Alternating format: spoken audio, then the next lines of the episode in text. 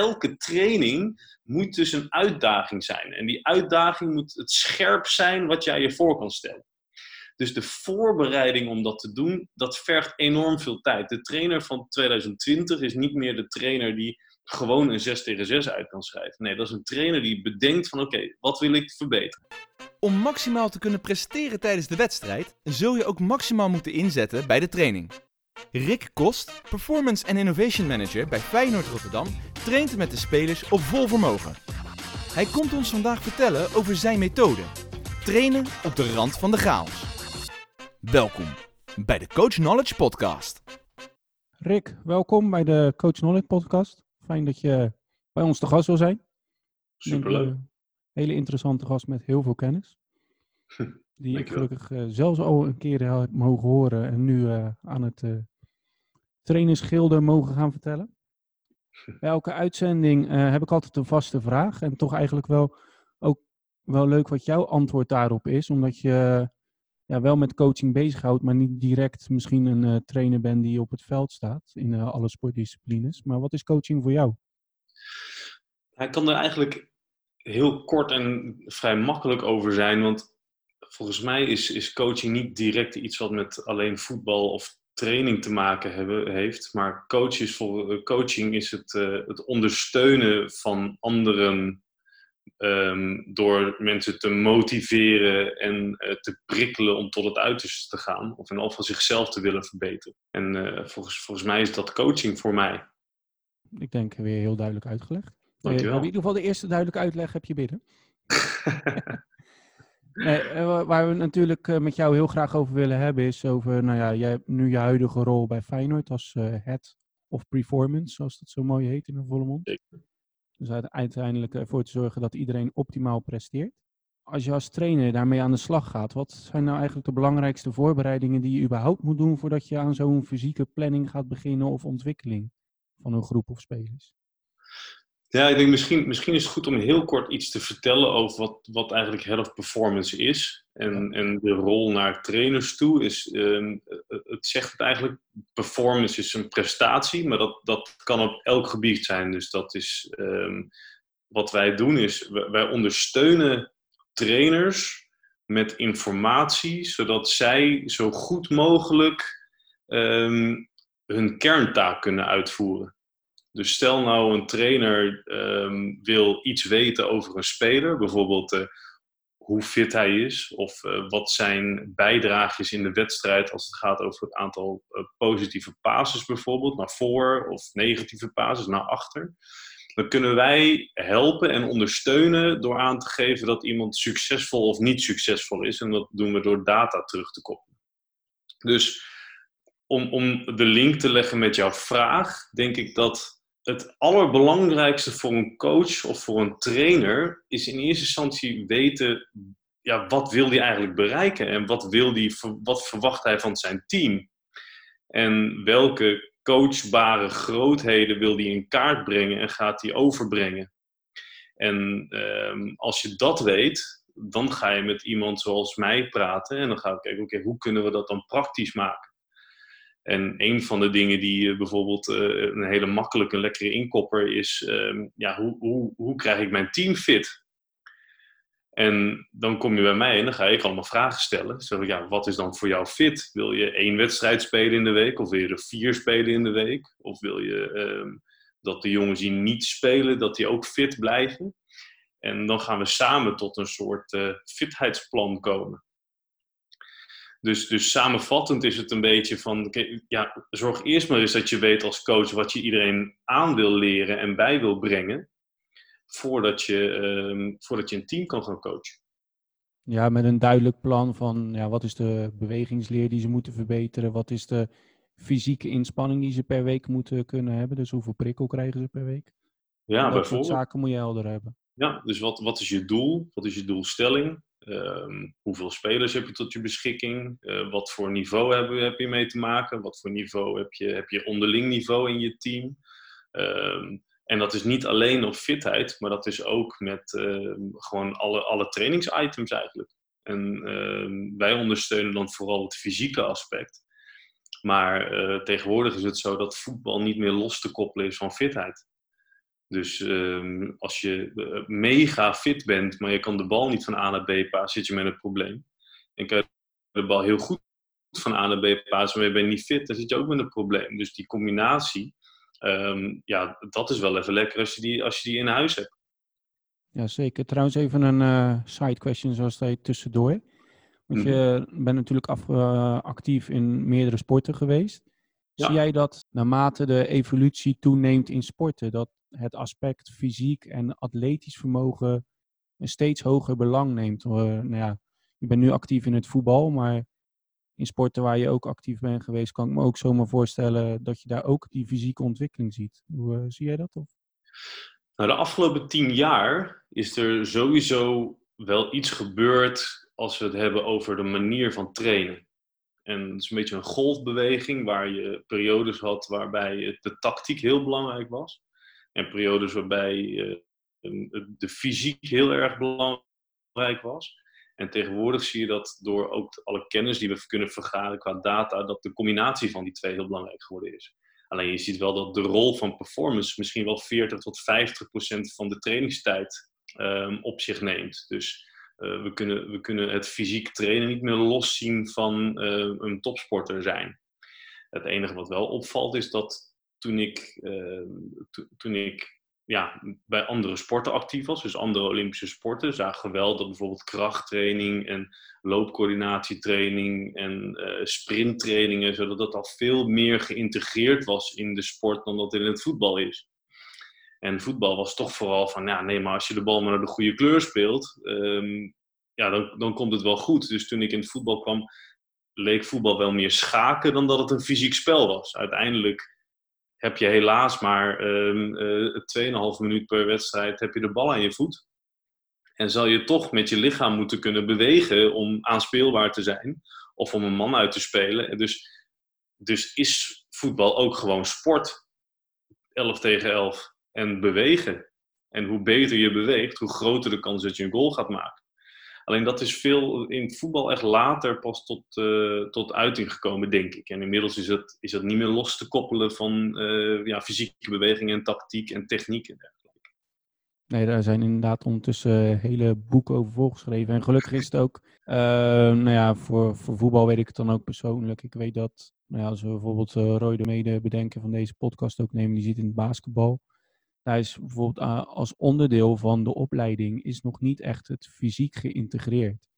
Maar je ziet wel dat uh, bij hockey, bij voetbal, dat de, de bonden in de opleiding ook steeds meer het fysiek hebben geïntegreerd, dus ook omarmd. Ja.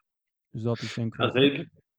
Ja, zeker. En, en, en waar vroeger echt fysieke blokken inge, uh, ja, ingekaderd worden, zie je dat het nu steeds meer één is. Dus een oefening uh, was vroeger bijvoorbeeld, hey, we, gaan, uh, loop, uh, we gaan loopwerk doen voor conditie. En dan was dan een kwartier lang in de training was er conditietraining. En dat, dat was natuurlijk in de jaren 60 en de jaren 70 ook al. Alleen nu zeggen we meer van, hey, kunnen we niet gewoon door partijvormen te spelen of door oefeningen aan te bieden die intensief zijn, zowel die voetbaltaak of die hockeytaak of die handbaltaak of die basketbaltaak uitvoeren, terwijl we daar ook fitter van worden. Want uiteindelijk, ja, um, is het niet zo dat we uh, tijdens de wedstrijd even heen en weer gaan rennen. Dus je, je bent aan het rennen in relatie tot de bal, tot het spel. Dus tegenwoordig zie je dat dat veel meer bij elkaar gekomen is. En dat die fysieke aspecten, bijvoorbeeld het, één op één verdedigen. Wij hebben in de, in de coördinatietraining hebben bijvoorbeeld heel veel één op één verdedigen met bal. Omdat je toch iemand opzij moet verzetten. Of je moet iemand toch fysiek blokken. Nou ja, zonder bal zit er geen context in. En dan is het ook maar gewoon tegen elkaar aanduwen.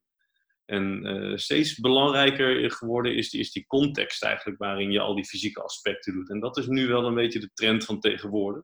En ik hoop dat ik onderdeel ben van die trendbeweging, uh, uh, waar het zeker in het hockey voorheen echt gescheiden was. Daar hebben we echt een verschil gemaakt. Van, hey, we kunnen gewoon allerlei dingen combineren. En daar was ik gelukkig voor mij een van, van de eerste in om dat echt goed, goed te implementeren op het hoogste niveau. Oké, ja, zeker interessant. Nou ja, haken we daar ook gelijk op in, naar de volgende vraag toe. Ik vond het leuk en vernieuwend om te horen en ik denk heel goed om hier ook te bespreken. Dus vooral, hoe ziet jouw periodiseringsmodel eruit? Aangezien dat ook een hot item is binnen het trainingschap. Vertel ja. daar eens over. Nou, Laat ik zo zeggen dat we ehm, dat de allereerste vraag die wij stellen aan een, aan een trainer en aan een team, uh, en dat is de basis van het model, is wat is nou eigenlijk het zwaarste moment of de zwaarste week die je ooit in je leven tegen zou kunnen komen? Of komend jaar natuurlijk, of komende vier weken, of de periode waar je over wil uh, periodiseren. Dus, dus uh, daar komt vaak een antwoord uit, bijvoorbeeld in het voetbal. Wij spelen bijvoorbeeld een, een, een of twee wedstrijden in één week. Dus we spelen dan de zondag. Nou, die tellen we eventjes als de vorige week. Dan heb je bijvoorbeeld woensdag en zondag. Nou, wat we, wat we gedaan hebben, of wat ik gedaan heb, ik heb uh, het aantal minuten wat je op het hoogste niveau uh, speelt in de week, heb ik als basis genomen en dat noemen we de worst case scenario. Dus stel, uh, het antwoord van de trainer zou zijn: over negen weken spelen wij eh, twee wedstrijden in de week. En we hebben vier trainingen in de week. Nou, dat betekent dat elke training een bepaalde intensiteit gehaald kan worden in minuten. Zeg 10 minuten per training is 40 minuten. Plus 2 keer 90 minuten uh, spelen is dus 180 plus 40. Dat is de worst case week. In dat geval is 220 minuten. Nou, de periodisering gaat erom hoe goed of hoe kunnen wij zo goed mogelijk dat lichaam klaarstomen voor die 220 minuten.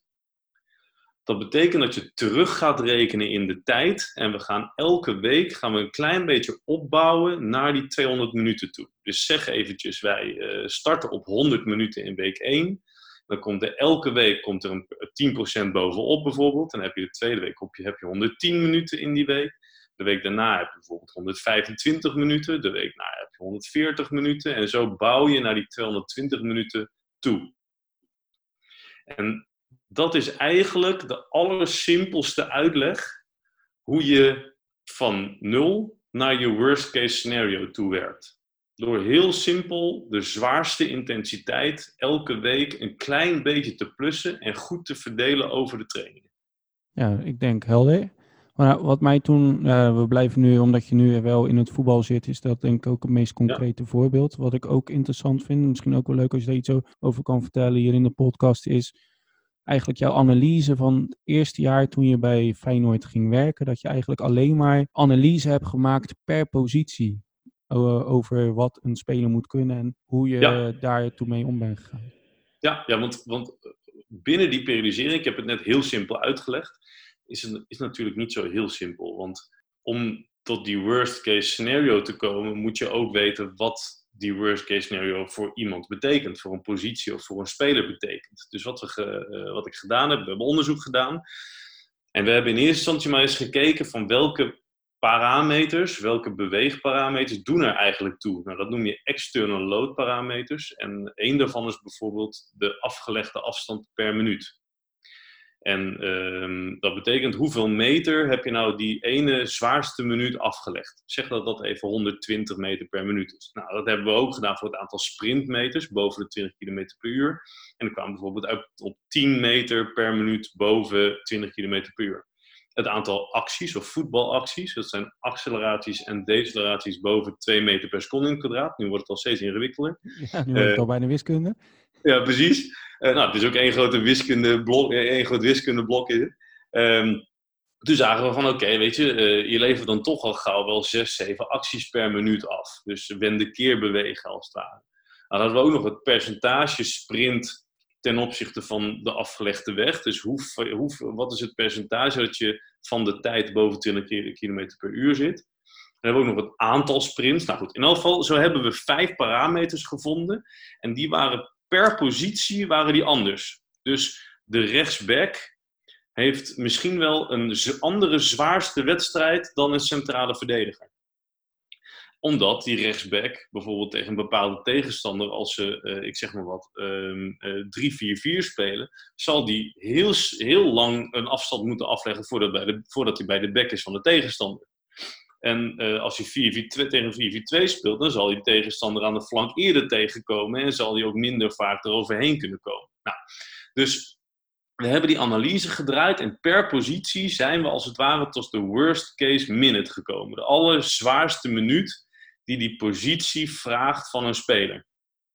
En uh, dat is dan ook gelijk die minuten waar we het net over hadden, die 220. Dus als je dan die periodisering terughaalt naar de basis, dan kunnen we met GPS of met LPM, lokaal positioneringssysteem, kunnen we dus meten hoe vaak in de week hij deze minuut gehaald heeft. En zo creëer je dus een soort van eigenheid per positie. En wordt elke training eigenlijk maatwerk voor een specifieke speler en een specifieke positie. En hoe dieper je daarin duikt, hoe meer kennis je krijgt van oké, hoe beweegt die speler zich dan over het veld? En als jij, uh, uh, um, ik zeg maar wat, jij gaat scouten. En dan uh, weten we dat onze, bij Feyenoord bijvoorbeeld, een rechtsback vooral de afstand aflegt van de achterlijn tot aan de middenlijn gemiddeld en we halen een back en die is niet in staat om drie keer achter elkaar die afstand af te leggen, ja, dan zal je dat of met hem moeten trainen, of je moet een ander soort back die dat wel kan doen. Dus je kan het zo ver doortrekken dat je een hele, um, ja, dat je het type speler neer kan gaan zetten op een positie die je ook op die positie neer wil zetten. Uh, of die je wat, wat je wil gebruiken aan die speler. En een superleuke aan die, aan die worst case minute is dat je dus je kan ergens naartoe trainen, maar je kan ook de karaktereigenschappen van die speler binnenhalen. Maar je kan ook kijken van past die binnen ons systeem. Nou, dus die periodisering die staat eigenlijk symbool voor meer dan alleen maar een wedstrijdminuut. Die staat echt, uh, echt symbool voor ons heel, hele trainingsmechanisme eigenlijk. Ja, want dat vind ik ook wel heel interessant. Want we hebben het nu vooral, tenminste, je hebt het nu vooral over het fysieke aspect. Dus inderdaad die repeated sprint, zoals dat zo, zo mooi heet. Uh, die uh, in heel veel balsporten, nou ja, hockey, basketbal is natuurlijk helemaal, dat vliegt bij vlagen helemaal over en weer. Ja. Daar zal dat aanzienlijk hoger liggen. Ja. Alleen, nu hebben we het vooral daarover, maar hoe zit het dan bijvoorbeeld als je kijkt naar nou ja, bewegingen die je moet maken, koppen, inderdaad, sommigen moeten wat behendiger kunnen roteren. Hebben ja. jullie daar ook op gelet? Ja, in principe um, de volgende stap is, eh, is event data koppelen aan die fysieke data. Nou, daar, daar zijn we nu een beetje mee bezig. Um, uh, wat je wel ziet is dat bijvoorbeeld die G-krachten van het draaien en het koppen, die kunnen we bij die acceleraties optellen. Dus dat hebben we nu even voetbalacties genoemd. Dus een relevante voetbalactie is een beweging boven 2 meter per seconde in het kwadraat, oftewel 2G. Dus zo hebben we dat als het ware gekaderd. En daar zie je wel dat er dat bijvoorbeeld een spits heel veel acties maakt. Maar ook heel erg beweegt in een kleine ruimte. En ook heel veel collisions, heel veel impact heeft op zijn, uh, op zijn lichaam. Dus we hebben bijvoorbeeld uh, gekeken naar het verschil tussen sporten. En dan zagen we bijvoorbeeld een hockeyer. Dat is een hele intensieve sport. Die maken heel veel acties, maar die hebben weinig impact. En dat zag je bij voetballers, die maakten veel minder acties, omdat het spel toch minder snel gaat. Maar als ze actie maken, was de impact veel groter. Dus ze hadden een hogere topsnelheid. Ze werden vaker opzij gebeukt. Uh, in uh, corners, fysieke momenten, hadden ze een hele hoge impact. Heel veel collisions, als het ware. Dus de impactscore van die voetballer was heel hoog, maar de intensiteitsscore van die uh, hockeyer was weer heel hoog. En, um, en zo, zo kreeg ik steeds meer inzicht in wat nou eigenlijk dat voetbal nou betekent en hoe je daar naartoe kan trainen. Um, uh, jij, zegt net uh, basketbal bijvoorbeeld. Basketbal is een hele mooie sport waarbij ze beide heel erg komen. Dus um, ja, je hebt heel veel impact doordat ze heel veel collisions hebben, heel veel één op één uh, contactmomenten en heel veel acties. Alleen dan is de impact op hoge snelheid weer veel lager, want ze komen niet op topsnelheid. dus zo heeft elke sport een andere karakteristiek. en het belangrijkste voor mij is dat het ook trainbaar wordt. Ja, nee, mooi dat je zelf de brug erin gooit doe je goed. Want dat is inderdaad een beetje ehm, eh, ook een vraag van ja, hoe ga je je training dan inrichten? Want uh, ja, ik heb ook nog een vraag over jouw visie over trainen op de rand van de chaos, maar die kunnen we misschien beter even daarna doen. Want dat vond ik een van uh, de mooie opmerkingen van de avond alweer drie jaar geleden. Ja. Dat ik die lesavond erbij mogen wonen. Maar inderdaad, hoe kan je als trainer nou je training inrichten? Want nou ja, daar zijn, ben jij dus als performance coach heel erg mee bezig. Dat het in de sport, dus dat je gewoon een hockey, basketbal, voetbaltraining, in ieder geval gewoon je sporttraining hebt. Maar dat we toch er ook over nagedacht hebben in die training. We hebben fysieke ontwikkeling. Hoe, uh, hoe zie jij die implementatie? Nou, de, de, alle, de meest eenvoudige vorm, en dat uh, heb ik volgens mij toen dat ook genoemd, het stond volgens mij zoals voor op de slide, was dat je, je traint de wedstrijd, train the game. Dat is uh, ook zo'n containerterm wat iedereen hartstikke mooi gebruikt tegenwoordig. Ja. Alleen op het moment dat je weet wat er in die wedstrijd nou eigenlijk gebeurt, dan wordt het ook makkelijk om het te trainen. Dus als je weet hoe vaak iemand in een duel komt en wat dat duel dan betekent voor iemand, dan kan je letterlijk daarop ja, uh, een oefening bedenken. Dus als je weet hoe vaak iemand heen en weer moet sprinten, we weten dus bijvoorbeeld dat als iemand heen gaat, terug gaat en weer heen moet, dat dan de kans op een goal uh, 25% is. Dat is mega veel. Dat komt omdat de meeste tegenstanders niet in staat zijn om drie keer 50 meter achter elkaar te sprinten. Dus als je dat al weet, dan kan je daarop trainen. En dan kan je oefeningen met een bal met afronden. Uh, je sprint bijvoorbeeld naar een bal, je rondt hem af. Je komt naar de andere kant terug sprinten. Dan moet je hem ook afronden. En dan kom je nog een keer en dan moet je hem afronden. Of je speelt een 2 tegen 2, waarbij je eerst de aanval bent. Dan heb je de verdedigende tak. Die worden aanvallers in turnover. Dus je, uh, je moet een bal afronden in de, in de 2 tegen 2 dan schiet je de bal over, ik zeg maar wat. Dan worden de twee verdedigers worden aanvallers. En de twee aanvallers moeten hun uh, verdediging terug op orde hebben. Dus die moeten achteraan sprinten. Vervolgens schieten zij de bal in de goal. En krijgen de twee aanvallers die verdedigers zijn geworden, worden weer aanvaller. En die moeten weer een bal uh, scoren. Dus zo, um, het is zo belangrijk om te weten wat voetbal eigenlijk is. En in plaats van dat we um, uh, heel vaak zeggen van ja, nee, voetbal is gewoon ja, de bal naar de juiste kleur spelen. Of ja, dat is uh, de bal heen en weer. Of tikataki uh, voetbal, of hoe je het allemaal wil noemen. Of samba voetbal. Je hebt allerlei verschillende termen ervoor. Maar niemand heeft echt in kaart wat voetbal nou eigenlijk voor hen betekent. En als jij bijvoorbeeld weet, als je drie keer naar voren paast, dan heb je een hele hoge kans dat je rendement haalt. Dus stel nou, je weet nu in een partijvorm, je speelt een 6 tegen 6, dat je drie keer de bal naar voren moet spelen om rendement te krijgen. Rendement is dan bijvoorbeeld een corner, een vrije trap rond de 16, een penalty of een goal of een kans. Nou, dat is wel lekker, want dan kan je nu een 6 tegen 6 spelen, waarbij het, ja, het doel is om de bal drie keer naar voren te spelen. Nou, en zo, zo creëer je trainingseigenschappen van wat, jou, wat voetbal voor jou betekent. En, uh, en de grootste uitdaging voor de meeste trainers is in kaart hebben wat nou eigenlijk voetbal voor hen betekent. Um, wat voor acties komen er heel vaak voor?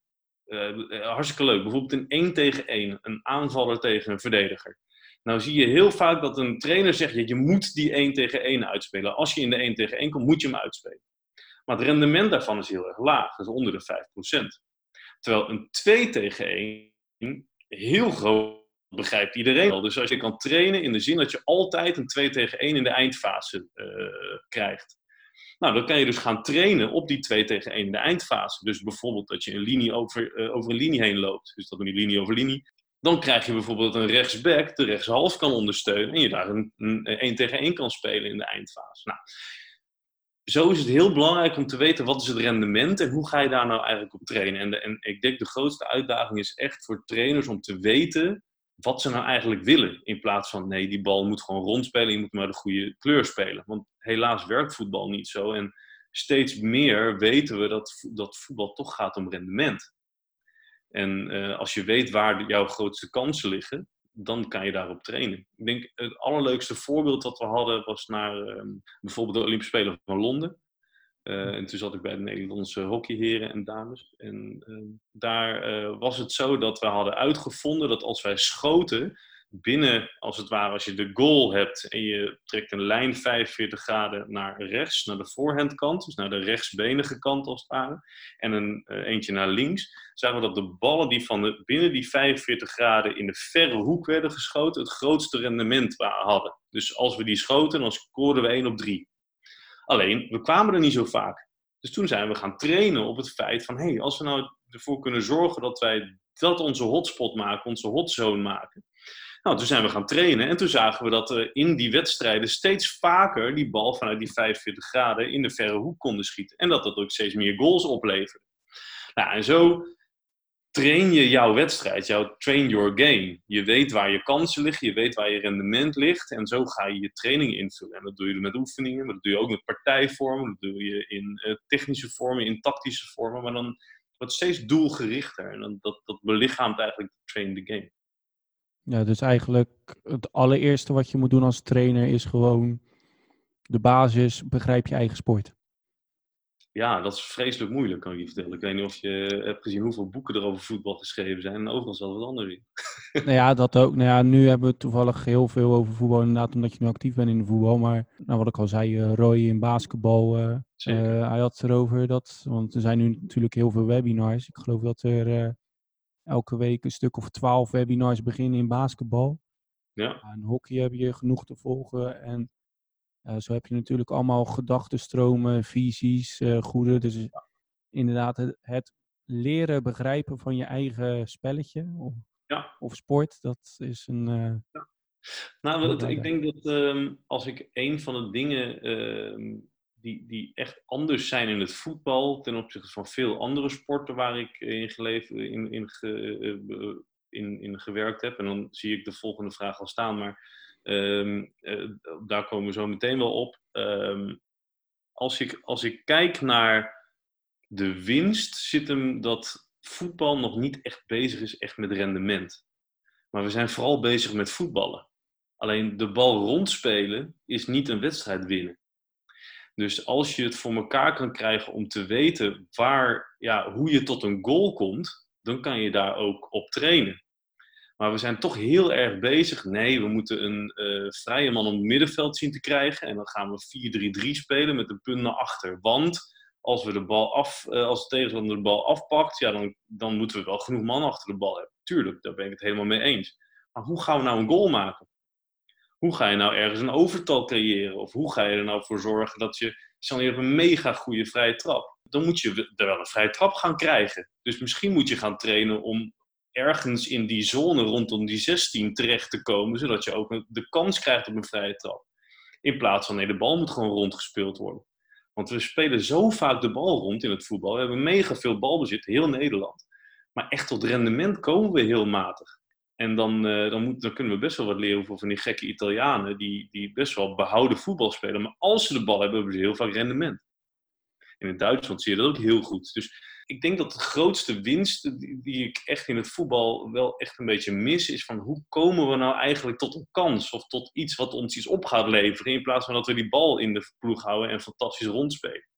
Ja, dat is sowieso heel on-Nederlands natuurlijk om alleen maar puur in resultaten te denken. Want het moet inderdaad, ja. uh, het moet balbezit zijn, het moet uh, aantrekkelijk zijn om te kijken, et cetera. Ja, dat hoort ook wel in het Nederlands DNA. Maar dat staat natuurlijk niet los van dat je met heel aantrekkelijk voetbal ook heel efficiënt voetbal kan spelen. Want je kan, eh, als je weet dat de tegenstander op een bepaalde kant uh, ja, niet uh, sterk is, ja, dan, dan moet je die bal daar wel zien te krijgen bij een bepaalde speler. Um, maar dat vergt dan toch een ander soort analyse dan wat we, wat we nu doen. Plus dat we ook vaak analyses maken en dat delen we voor de wedstrijd. En dan gaan we niet op trainen. Terwijl, ja, ga dan trainen op waar die uh, tegenstander het zwakst is. Of waar wij het sterk zijn, weet je. Uh, Mark Lammers zei dat, je moet altijd je sterke kanten uitbuiten. Nou, dan moeten we ook je sterke kanten uitbuiten. En niet op toeval wachten. Want ja, dat toeval, ja, uh, kans dat je een goal scoort is altijd aanwezig. Maar wat nou als je een richting kan geven dat de kans dat je een goal scoort groter wordt? Want als jij 100 wedstrijden hebt bekeken en we scoren uh, 20 keer daarvan uit een bepaalde situatie, nou, dat is wel lekker als je dat nog eens kan verbeteren. Misschien ga je dan wel 25 keer of 30 keer uit de situatie scoren. En dat is letterlijk de basis van jouw training. Dus in Nederland zeggen we vaak van ja, maar zij doen bijvoorbeeld die, ik zeg maar een 2A-loop of zo, of ze doen shuttles lopen. Ja, laten we dat ook maar gaan doen. Maar ze weten helemaal niet waarom ze dat doen, weet je. Nou, ja, maar hij heeft dat ook gedaan. Ja, we hebben we bij Feyenoord gezien bij uh, weet ik, FC Utrecht hebben we dat gezien. Ja, maar wat is dan de reden dat ze dat doen en de reden waarom je dat overneemt? En, en daar zit in Nederland echt een, uh, wat ik al heb meegemaakt. Misschien uh, ben ik niet helemaal eerlijk en, en, en trek ik het te veel over, scheer ik het te veel over één kam. Maar ik denk dat dat iets is, heel doelgericht trainen naar rendement. Wanneer komen wij in de situatie tot scoren en hoe kunnen wij in de training die situatie uh, nabootsen? In plaats van, ja, nee, met de tegenstander kan ook heel goed zijn. Ja, natuurlijk. Maar als je iets honderd keer doet en je hebt erop getraind, dan ben je misschien wel 5% beter. Dan kan je precies een goal opleveren. Ja, ik denk dat dat sowieso wel uh, gelijk ook heel mooi het verschil blootlegt tussen, uh, denk ik, sporten zoals hockey, waar ze in dat soort opzichten veel en veel verder zijn.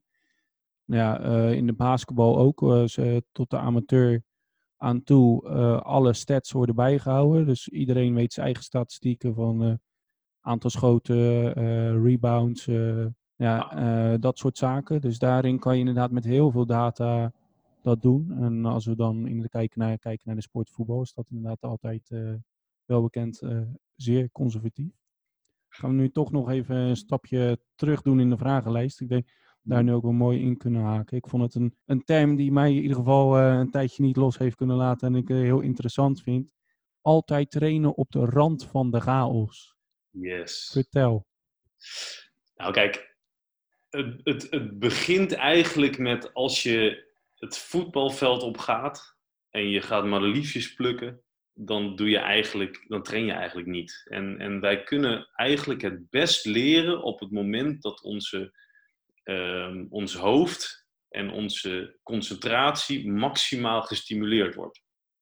Nou is het zo dat we zien uh, dat wij situaties na kunnen bootsen, dat wij die scherpte, die, die, die, die, die, die trainingsprikkel zo goed mogelijk aan kunnen bieden. En dat betekent dat alle facetten van training net niet over, die, over het randje zijn, maar ook niet te makkelijk zijn. Want als je iets aanbiedt wat te makkelijk is, dan spring je op je eigen helft en dan kom je niet aan de andere kant van, uh, van het water.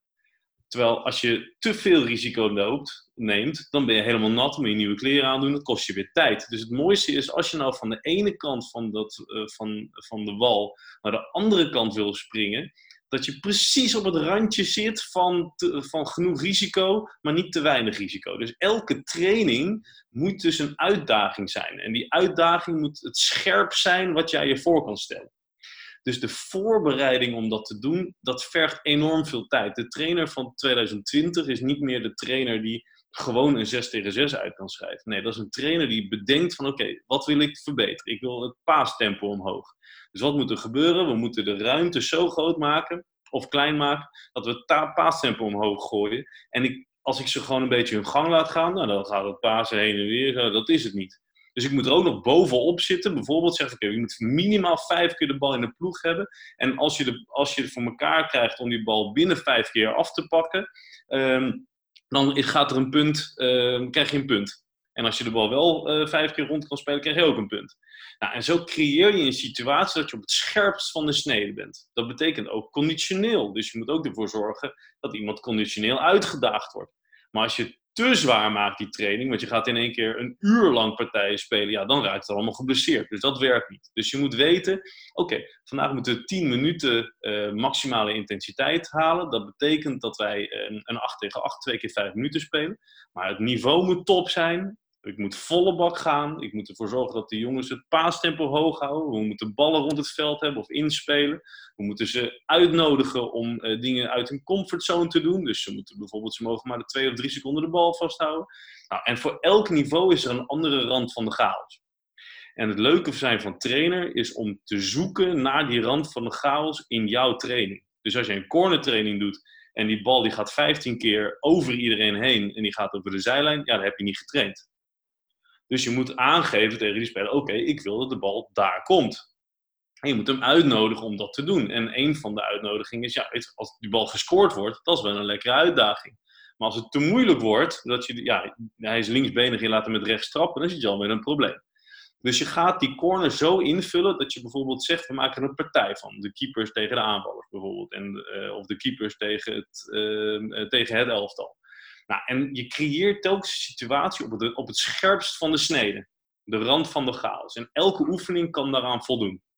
En, en dat typeert wel echt mijn manier van trainen. Dus er is geen één oefening, ah, laten we de bal maar een beetje rond. Dat is een hersteltraining. Weet je, dat werkt niet. Dat, daar, ga je niet beter van worden. Maar dat is gewoon lekker. Oké, hartstikke goed. Nou, dan doen gebruiken we dat als warming-up. En op het moment dat je moet gaan presteren, dan moet het wel leren zijn. En um, ja, je, laat iemand die uh, een marathonloper die uh, eh, 2,5 uur over de marathon loopt, laat je, uh, ga je ook niet 4 uur over een marathon laten lopen. Want dan heeft hij geen trainingsprikkel. ga je proberen om 2 uur 29. Weet je, het moet telkens net een beetje scherp. Maar als je 2 uur 15 zegt, ja, dan gaat hij het ook niet halen, want dan loopt hij zichzelf kapot. Dus zoek die grens op. De grens op van niet te makkelijk en niet te moeilijk. Net een beetje uit de comfortzone, maar het moet wel leuk en intensief zijn. En het moet ook echt, echt iets toevoegen, als het ware. En, en, en die manier van trainen, dat verandert het hele spectrum eigenlijk van oefeningen die je aanbiedt. Ja, dat, dat vond ik ook wel een heel interessant verhaal. Want dat verhaal wat je toen ook vertelde, inderdaad, daar koppelde je ook aan dat je, uh, nou ja, als je bijvoorbeeld een kwartier training neemt, nou ja, dan kan je inderdaad een kwartier lang partijtje gaan doen. Leg misschien nog één keertje stil, omdat je een keer wat te roepen hebt als trainer. Ja. En dan hoort het inderdaad, wat je net zegt, hoort het aanmodderen. Kan misschien in het begin heel scherp zijn, maar omdat de vermoeidheid er bijvoorbeeld inslaat, omdat je je periodisering dan niet in orde hebt, ja, hoort het laatste, nou, misschien zeven minuten wel, ja, echt uh, aanmodderen. Ja. Waarbij je inderdaad meer de keuze biedt in tijdsblokken, doe je dat toch? Je, in, want je kan in aantallen kan je switchen en in tijdsblokken had je het over. Ja, ja je kan volume en intensiteit. En uh, je kan bijvoorbeeld zeggen van, hey, weet je, ik weet dat mijn team niet 15 minuten achter elkaar geconcentreerd een 8 tegen 8 kan spelen. Maar wel drie keer 5 minuten. En je wil het eerste blok en het laatste blok moeten wel kwaliteit zijn. Dus je weet 15 minuten ga je dat op de hoogte intensiteit niet volhouden. Maak er dan drie keer 5 van. Dan heb je drie keer 5 minuten kwaliteit. En uiteindelijk is dat net zo goed 15 minuten. En zo creëer je ook weer een situatie dat je bijvoorbeeld kan wisselen van thema's. Of je kan het, hey, ik zie dat de eerste blok bijvoorbeeld heel veel passes fout gaan. Misschien ligt het tempo wel te hoog. Nou, dan ga je ervoor zorgen dat het paastempo naar beneden gaat. Of je gaat de ballen niet meer uh, zelf laten inspelen, maar je speelt hem zelf in als trainer. En zo, het gaat, het gaat continu om kwaliteit en niet zozeer om ik heb die kwantiteit maar gehaald. Ik heb de hoeveelheid maar gehaald. Het gaat echt om kwaliteit. En voetbal, om beter te worden, moet je wel uh, eh, 80% succes hebben. Want als je uh, 40% succes hebt, dan denk die gast ook, ja, bekijk het lekker. Daar heb ik niks aan. En als de vermoeidheid inkomt en die bal die wordt telkens maar vooruit gepompt, ja, heb je dan je doel bereikt van drie keer vooruit pasen bijvoorbeeld. Dus je wil dat je doelstelling aansluit op, op de intensiteit en ook het volume daarvan. Nou, en, en, dat is echt, um, echt weten wat jouw team aan kan. En beter in kleine blokjes werken. Uh, zodat het allemaal ook kloppend is. Ja, en dan bijvoorbeeld de pauze. Inderdaad, als je dan iets wil bespreken met die gasten, dat je beter dan je pauzetijden kan gebruiken. Ja, precies. In het begin misschien in je, van je voorbereiding, waarbij je twee minuten heel intensief hebt, maar ook gelijk alweer twee minuten rust hebt. Dan kan je twee minuten gebruiken om die gasten wat instructies mee te geven. Ja, nou, een, van de dingen die mij heel erg opgevallen is, eh, niet alleen in voetbal, maar überhaupt in sport, is dat ze zeggen, uh, trainers zeggen van ja, nee, ik wil dat het zo weinig mogelijk stil ligt. Weet je, ook tussen de partijen, alle oefeningen moeten snel achter elkaar. Ja, eens. Alleen wel volgens de juiste arbeidsrustverhouding. Want als je net een 3 tegen 3 anderhalve minuut hebt gespeeld en je geeft 15 seconden rust, dan is de volgende anderhalve minuut eigenlijk die eerste anderhalve minuut. Dus we hebben, uh, uh, of ik heb uh, standaard arbeidsrustverhoudingen gemaakt. Bijvoorbeeld één minuut op betekent ook één minuut rust. En in die één minuut rust kan je tips geven en kunnen ze tot rust komen. Als je twee minuten speelt, heb je ook twee minuten rust. Omdat je dat gewoon nodig hebt, omdat die intensiteit zo hoog is dat je wel ervan moet herstellen. Zeker als je vijf keer twee minuten gaat spelen. Want als je dan een halve minuut rust geeft, ja, dan zijn ze nog aan het herstellen. Dan zit die hartslag nog zo hoog nou, en als je dan uh, uh, bijvoorbeeld vijf minuten, staat 2,5 minuut rust tegenover. Als die intensiteit super hoog was en uh, je echt op de rand van de chaos zat. Alleen, je kan over tijd ervoor zorgen dat ze fitter worden door die rustperiodes korter te maken. Want stel nou, je moet 20 minuten halen qua maximale intensiteit in een partijvorm. En je speelt 5 of 7 tegen 7, je speelt blokjes van 4 keer 5 minuten. En de rusttijd is 2,5. Nou, de week daarna kan je zeggen, oh, weet je wat ik kan doen? Ik gooi er een blok van 5 minuten bij. Nou, nu ben je in volume, ben je als het ware heb je, uh, ben je fitter geworden. Want je hebt nu niet 20 minuten, maar 25 intensiteitsminuten gehad. Wat je ook kan doen, is zeggen van, nou, ik wil het toch anders doen. Want ik zag dat uh, jongens in de wedstrijd moeite hadden met herstel. Ik ga die vier blokken van 5 minuten meer aan elkaar plakken. Dus ik ga van 5 minuten arbeid met 2,5 rust, ga ik naar 5 minuten arbeid met 2 minuten rust dan ga je als het ware eh, zorgen dat ze beter en sneller leren herstellen. Nou, de week daarna ga je naar anderhalve minuut rust. En de week daarna ga je naar één minuut rust. En dan zie je langzaam aan dat zo'n team wendt aan die intensiteit en steeds makkelijker die blokjes van vijf minuten met minder rust aan kan. Nou, en dat is echt letterlijk periodiseren. Dus periodiseren wil zeggen het wennen aan de intensiteit en het volume waar je naartoe wil. En zo creëer je telkens een, een situatie waar weer opnieuw een rand van de chaos in zit. Ja, dat is uh, hele interessante materie inderdaad. Nou ja, vraag 5 uh, eh, had je ook net al gezien, net al benoemd. Ik denk mhm. wel heel uh, interessant is. trouwens, er geen luisteraars die vraagnummers horen. Ik stuur altijd een draaiboek naar mijn gasten. Zodat ze zich netjes kunnen voorbereiden en ongeveer weten waar het over gaat. En dat we ook wat structuur in de uitzending houden. Ja. dus inderdaad een vraag, omdat je natuurlijk in heel veel sporten actief bent geweest. Ja, wat valt jou daarbij op en wat kunnen andere sporten van elkaar leren? Nou, ik denk dat uh, het leuke uh, is dat in het begin dacht ik altijd maar van dat uh, andere sporten, of dat voetbal heel veel kan leren van andere sporten. Dat is ook wel zo, maar het is ook gewoon een andere soort sport, een andere sport. Dus, dus ik denk ook dat andere sporten heel veel van voetbal kunnen leren. En een van de dingen waarvan ik, waar ben ik echt op teruggekomen ook, is de rust in een voetbalelftal in de wedstrijd. Het is niet zozeer de, tussen het 45 minuten, maar in het spel. Dus dat actie en controle, dat is voetbal wel, dat is echt uniek. Als je kijkt naar basketbal, zie je vaak dat teams echt de totale controle kwijt zijn. En dan krijgen ze in één keer uh, uh, 12 punten tegen. In, uh, in anderhalf minuut. die runs inderdaad, ja.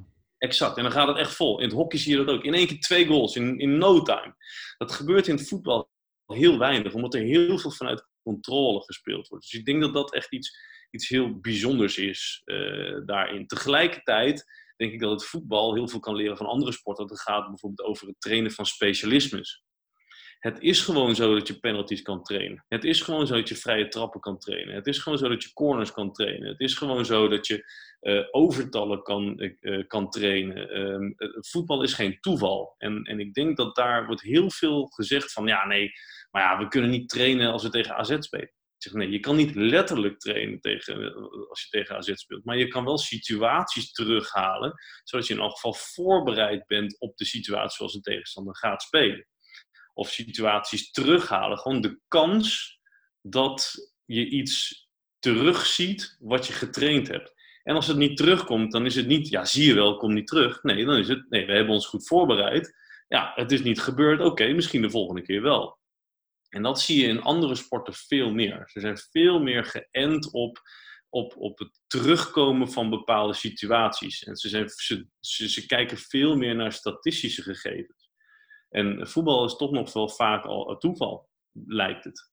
Ehm, ik vind wel dat er hard getraind wordt. Ik vind ook bij Feyenoord uh, trainen we echt hard. Uh, we trainen echt harder. Ik, ik, ik weet, de kende periode voor mij natuurlijk niet. Maar jongens willen echt heel graag. Dus, dus de motivatie is echt wel goed. En misschien soms wel beter dan in andere sporten ook.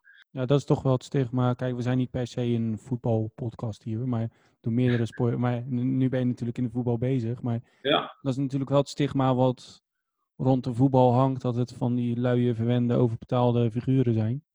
Ja, en dat, en dat, dat kan, ik weet het niet. Maar ik moet zeggen dat, dat, uh, dat wij nu bij Feyenoord in al van een team hebben uh, die echt wil. En iedereen wil zich ontwikkelen, iedereen wil fitter worden en iedereen wil er hard voor werken. En tuurlijk hebben ze hun nukken, maar het is ook een mannenwereld. En uh, ja, ja dat, bij Feyenoord in deze wel. Er komt een vrouwenelftal aan, hè? Ja, nou ja, ja, zeker waar. En dat, dat is wel anders, want vrouwen, uh, vrouwen die zijn gewoon beter in het, uh, in het nakomen van afspraken en het uitvoeren van opdrachten. Dat is ook gewoon zo. tegelijkertijd zijn mannen wel flexibeler in het uitvoeren van opdrachten. Dus op het moment dat je dat ze zien dat iets niet werkt, ja, dan, dan steken ze hun vinger op, zeggen, middelvinger op, zeggen ja, ik ga dat niet doen. Ik kies zelf wel om een andere richting op te gaan. En vrouwen blijven dan toch, ga ik dat proberen. Dus, dus er zitten voor- en nadelen in dat, in dat, in dat opzicht. Ik vind wel dat, dat de werkethiek helemaal niet slecht is. Alleen, je moet het wel leuk maken. Dat is met voetbal wel. Je kan niet even gewoon een drill uitvoeren zonder dat, er, zonder dat het leuk is. Want kijk je niet aan en denk je, ja, dag, ik ga vandaag niet. En bijvoorbeeld in het hockey was het, ja, ik vind het niet leuk, maar doe het gewoon. En dat, dat is wel echt anders. Uh, en daarnaast eh, speelt dan toch wel gewoon geld een rol, weet je. Uh, voetbal is wel een van de weinige sporten waar je vooruit betaald krijgt. Terwijl als je een tennisser bent en je wint niks, ja, dan krijg je ook geen geld. Dan moet je naar de bank om geld te lenen, bij wijze van spreken. Weet je? hockey ook, je moet de Olympische Spelen winnen. Anders krijg je ook gewoon geen geld van een nationale bond. Dus uh, ja, je, moet wel iets winnen, wil je, wil je er zijn. En dat is in voetbal natuurlijk, iedereen krijgt gewoon betaald. Dus dat maakt wel dat ik begrijp dat die motivatie misschien anders is. Maar, maar ik, ik vind wel dat, uh, dat het te makkelijk gezegd wordt dat voetballers niet gemotiveerd zijn en dat het luie gastjes zijn, bij wijze van spreken. Weet je, dat, uh, daar ben ik, dat, ik, ben wel, ik heb een andere mening daarin. Alleen, nogmaals, train the game. Je moet het interessant maken veel partijspellen spelen, veel oefeningen die lijken op iets wat ze tegen gaan komen. Weet je, je loopcoördinatietraining, ja, als je maar altijd elke dag een beetje gaat kaatsen, gaat knieheffen, ja, na drie trainingen dan, stoppen, dan houden ze hun benen stil. Dus je moet het interessant maken. Er moet een bal bij komen, of je moet er een, een richting uh, aangeven, of je moet een uitdaging, uitdaging in, in stoppen. Het moet moeilijker worden, of er moet wel, eh, het moet wel uitdagend, uitdagend zijn. Maar goed, ja. ik ben zelf ook een, een man. En ik vind zelf ook dat het zo is. Want elke keer als ik ga trainen, denk ik, ah, ik heb helemaal geen zin om, uh, om te, gaan, uh, te gaan lopen. Weet je, ik ga liever een intervalletje doen. En dat vind ik interessanter. Nou, dat is gewoon wel. Nee, maar om terug naar de vraag te gaan, want het is ook nog iets wat ik al afsluitend wel met jou ook nog wil behandelen. En daarom eigenlijk ook meer de vraag: wat kunnen andere sporten van elkaar leren? Ja. jij laat ook elftallen juist andere sporten beoefenen om beter te worden in hun eigen sport. 100 procent. Uh, en dat is wel. Ik was even het begrip daarvoor kwijt. Nee, neveneffect? Of wat, hoe noemde je dat ook weer? Nee, wat we hebben is donorsporten. Ja, de, ja juist, dat. En het, het, leuke is dat als je, uh, als je altijd heel eentonig bij je eigen sport bent, dan ontwikkel je natuurlijk een hele hoop items niet.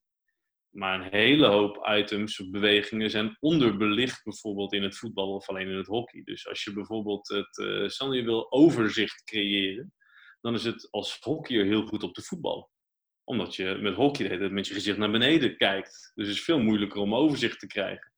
Dus het is heel goed om, als je de bal aan je voet hebt, gewoon te kijken of de handballen, van hey, kunnen we nou in dat handballen beter zien hoe wij ten opzichte van elkaar staan? Nou, dus zo creëer je donorsport. Eh, het leuke is, we hebben bijvoorbeeld trampoline uh, uh, trainingen gedaan bij de onder 13, onder 14 bij, bij Feyenoord. En en wat superleuk was, was dat het heel moeilijk was om een aantal jongens bijvoorbeeld te leren vallen. Want die vielen gewoon nooit. Maakten met slidings, en, eh, ja, omdat het niet in hun comfortzone lag. En ze werden er niet toe uitgedaagd. Dus in die trampolines kunnen ze salto's maken en je valt zacht. Nou, superleuk. Dus je leert de omgeving beter te screenen. En je leert ook wat het is om contact met de grond te maken. Dus je gaat gewoon salto's maken. Ehm, je laat ze koprollen maken. Je laat ze Ehm, in, een, uh, in zo'n bad, weet je, vier keer rondjes draaien om een as en dan vallen ze in een, uh, in een blokkenbad van, uh, van, van foamblokken. Dus door andere sporten te doen, leer je vaak je, hoofd, je hoofdsport beter. Plus dat je ook gewoon een betere beweger wordt. En uh, vaak zie je uh, dat als je, uh, als je bijvoorbeeld, ik zeg maar wat, een, een bal hoog trapt en je, je kan karate, dan is het makkelijker om die bal hoog weg te trappen, omdat je die timing kent. Maar als je nooit in die situatie bent geweest, ben je ook niet geneigd om die bal hoog weg te trappen. En zo, zo creëer je een donorsituatie. En, en ik nodig echt iedereen uit in heel, heel, heel de wereld, zelfs tot aan de topsporters op, op 30-jarige leeftijd doe andere sporten, zeker op momenten dat het kan. Weet je, als je eventjes uh, pauze hebt, of even rust uh, of vakantie hebt, ja, uh, ga lekker tennissen. Het verbreedt gewoon je, je, je, je, je, je beweegbibliotheek in je hoofd en in je lichaam. En ik denk hoe groter de bibliotheek is, hoe meer je aan kan spreken, hoe beter jouw, jouw algemene sportontwikkeling is. En hoe beter voetballer je wordt, of hockeyer je wordt, of tennisser je wordt. En volledig mee eens. Want het voorbeeld wat je drie jaar geleden ook gaf, was inderdaad met judo. Dat je ja. had gejudo'd om te leren valbreken. Dus ja, ja. ja dat, dat, dat, voor te struikel je nog wel eens. Of voor je, krijg je inderdaad een tackeltje te verwerken. Dan leer je weer beter valbreken. Ja, dat, dat, dat uh, judo is natuurlijk een, een prachtig uh, medium. En, en uh, de donorwaarde zit, iedereen denkt altijd in je core en in je kracht en zo. Nou, dat is zeker waar. Maar als je goed uh, kijkt naar hoe Nederlanders, uh, vooral verdedigers, ten opzichte van elkaar bewegen, we zijn heel erg eigenlijk op onze eigen omgeving uh, beschermd, op onze eigen omgeving. Dus wanneer dat iemand 30 centimeter bij jou in de buurt komt, dan wil je hem eigenlijk wegduwen. Terwijl als je kijkt naar het judo, dat, dat, dat is in die 30 centimeter. Dus als je judo kan gebruiken om dichter bij je tegenstander te komen en je, en je meer comfortabel te voelen in contact, dat betekent dat in je verdedigende duel je ook dichter bij die tegenstander gaat komen en dus een makkelijker een fysiek duel aangaat. Nou, en zo hebben we bijvoorbeeld in het, in het hockey hebben we judo gebruikt om die fysieke afstand kleiner te maken tot de tegenstander. En het bleek te werken. We waren steeds brutaal. Kropen we dichter tegen die tegenstander aan en duwden we hem ook gewoon lekker opzij. In plaats van dat we liever op een meter afstand zaten. Ja, want ja, is toch wel mijn fysieke ruimte, weet je. Uh, blijf, maar, blijf mijn, uit mijn buurt. Dus zo, zo, uit je aura. Ja. Buiten mijn aura, ja, letterlijk. nee, dus dus het is, zo kan je als donorsport judo kan je gebruiken om, om kinderen en, en, en ook gewoon sporters te leren om dichter bij elkaar in de buurt te komen. Met als doel betere verdedigers te creëren of beter één op één te leren verdedigen. En, en zo kan je uh, keepers en tennis is natuurlijk prachtig. Die, die tennisbal die gaat veel harder dan de voetbal. Dus ja, laten maar die bal stoppen. Ja, en ja, dat is dan met een racket. Oké, maar het gaat om je reactievermogen. Dus het vergroten van je reactievermogen is veel makkelijker, omdat je gewoon duizend tennisballen kan stoppen in een training. Maar je kan niet duizend voetballen stoppen in een training. Plus dat die bal altijd vanaf laag komt. Terwijl een tennisbal kan je veel makkelijker en van laag, en van hoog, en van midden, en van links, en van rechts. Dat gaat veel makkelijker. Dus je kan die donorsport tennis veel makkelijker gebruiken aan het net om, die, om, om een betere keeper te worden, om je reactievermogen te vergroten. En, en, en zo, zo kan je heel erg letterlijk op de beweging, middels die donorsporten, kan je gewoon je hoofdsport verbeteren. Ja, dat vond ik ook een heel interessant. Dus ook goed om hier uh, besproken te hebben. Want uh, ja, daar kan je ook nog inderdaad een uur over verder. Um, ja, daarover gesproken uh, hebben we het uur al bijna vol. Jeetje. Ga ik jou, ja, time flies when you're having fun. Normaal dan sluit ik altijd eigenlijk af als het gaat om het onderwerp um, met de vraag: wat is nou jouw eigenlijke ultieme eindadvies als het gaat om ons onderwerp? Hoe breng je alle prestaties naar het maximum? Ik denk dat het allerbelangrijkste is, en we hebben het al een beetje eh, de revue laten passeren, is dat uh, weet wat je wilt trainen en weet wat je, de wedstrijd voor jou betekent. Dus als trainer zijnde is het gewoon heel erg belangrijk om in kaart te hebben, wat ga je nou eigenlijk trainen en wat wil ik dat mijn team kan. En uh, dat kan vaak op één A4'tje, dat kan één punt zijn, dat kunnen tien punten zijn, dat zal voor iedereen anders zijn. Um, maar ik denk dat dat het aller, aller, allerbelangrijkste is. Dus, dus weet wat je, waar je naartoe wil. Stel doelen voor jezelf. En zo kan je dat ook meetbaar maken en kan je ook verbeteren op iets, in plaats van dat je maar weer een 6 tegen 6 speelt. Ja, dan krijg je bijna nog de studieterm smart uh, voor je kiezen. Ja, nou eigenlijk stiekem wel. Ja, stiekem. Ja, smart is natuurlijk een hele oude, oude term. Uh, ja. Maar train wel smart, weet je. Het is wel ja. zo. Maak het meetbaar. En maak het simpel. Uh, ja, zorg dat je, het, dat je het goed in kaart hebt. Anders ben je geen trainer, dan ben je geen coach meer, toch? Dat hadden we in het begin gezegd. Want dan ben je bezigheidstherapeut. Dan ben je eigenlijk uh, ja, activiteitenbegeleider. Ja. Dat, dat, is denk ik een heel vervelend woord voor trainers. ja, nou, ja, maar het is wel zo, weet je. Veel trainers zijn wel activiteitsbegeleiders. ja, nou ja, hoort geen activiteitenbegeleider, zou ik zeggen. Dat uh, hebben je ja, in dat, eigen hand, uiteindelijk. Oh, heb ik hem voor je... Ja, toch mag je hem zelf gaan verzinnen. Of uh, maak ik nou even gras voor je voeten weg? Ja, dat is inderdaad de ultieme eindvraag van de aflevering die ik aan iedereen stel. Wat is een tegelwijsheid die jij graag wil noemen? Dus wat is de tegelwijsheid die jij graag mee wil geven? Nou, ik, ik, denk, ik denk dat, dat hij letterlijk in punt 3 staat. En dat is wel echt ook hoe ik leef en hoe ik werk en hoe ik trainingen aanbied. Is train op de rand van de chaos. Weet je, ik denk dat dat wel mijn trainingswijsheid is. Daag jezelf uit. Dus train op de rand van de chaos. Niet alleen je pupillen moeten uitgedaagd worden, maar ook jij. Dus je traint ook op de rand van de chaos. En je creëert een training op de rand van de chaos. En ik, ja, weet je, ik, ik leef de rand van de chaos. Dat is wat ik doe. Elke dag haal ik het maximale uit mijn dag. Althans, dat probeer ik wel. Dus, dus, dus ja, ik denk dat voor een trainer het mooiste is train op de rand van de chaos. En dat kan je gewoon boven de wc hangen. Uh, of eigenlijk voor je, zodat je ernaar kan kijken als je er lekker rustig op zit. En dan sta je op en denk je, oh ja, weet je, dit is het wel. Ik ga wel gewoon vandaag uh, het uiterste uit mijn dag halen. Ik ga vandaag een training maken daar serieus. Die kinderen die weten niet wat ze meemaken als, ik, eh, als ze geweest zijn. En daar heb je echt zelf echt een voldaan gevoel van. Ik denk uiteindelijk iedereen. Nou ja, daarover gesproken, de tegeltjes worden bij ons op de Instagram-account geplaatst. Dus uh, yes. deze komt zeker voorbij. Ik vind het ook wel een heel mooi tegeltje uiteindelijk, omdat ik het ook... Uh, ik vond het drie jaar geleden vond ik het een hele mooie uitspraak en term. En dat vind ik nog steeds. Dus wel uh, eigenlijk een mooie tegel om mee af te sluiten. Dan wil ik jou bij deze heel graag bedanken voor je tijd en ja, heel veel informatie, denk ik. Heel veel leuke informatie, heel veel nuttige informatie. Dus uh, ik hoor ook graag van de luisteraars wat zij ervan vonden. En dan uh, wil ik jou bedanken en heel veel uh, succes verder wensen met de komende periode bij Feyenoord.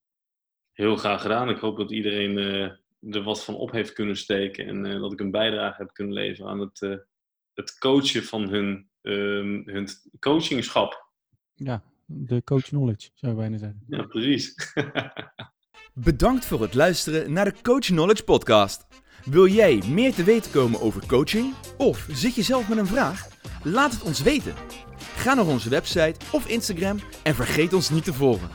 Tot de volgende keer bij de Coach Knowledge Podcast.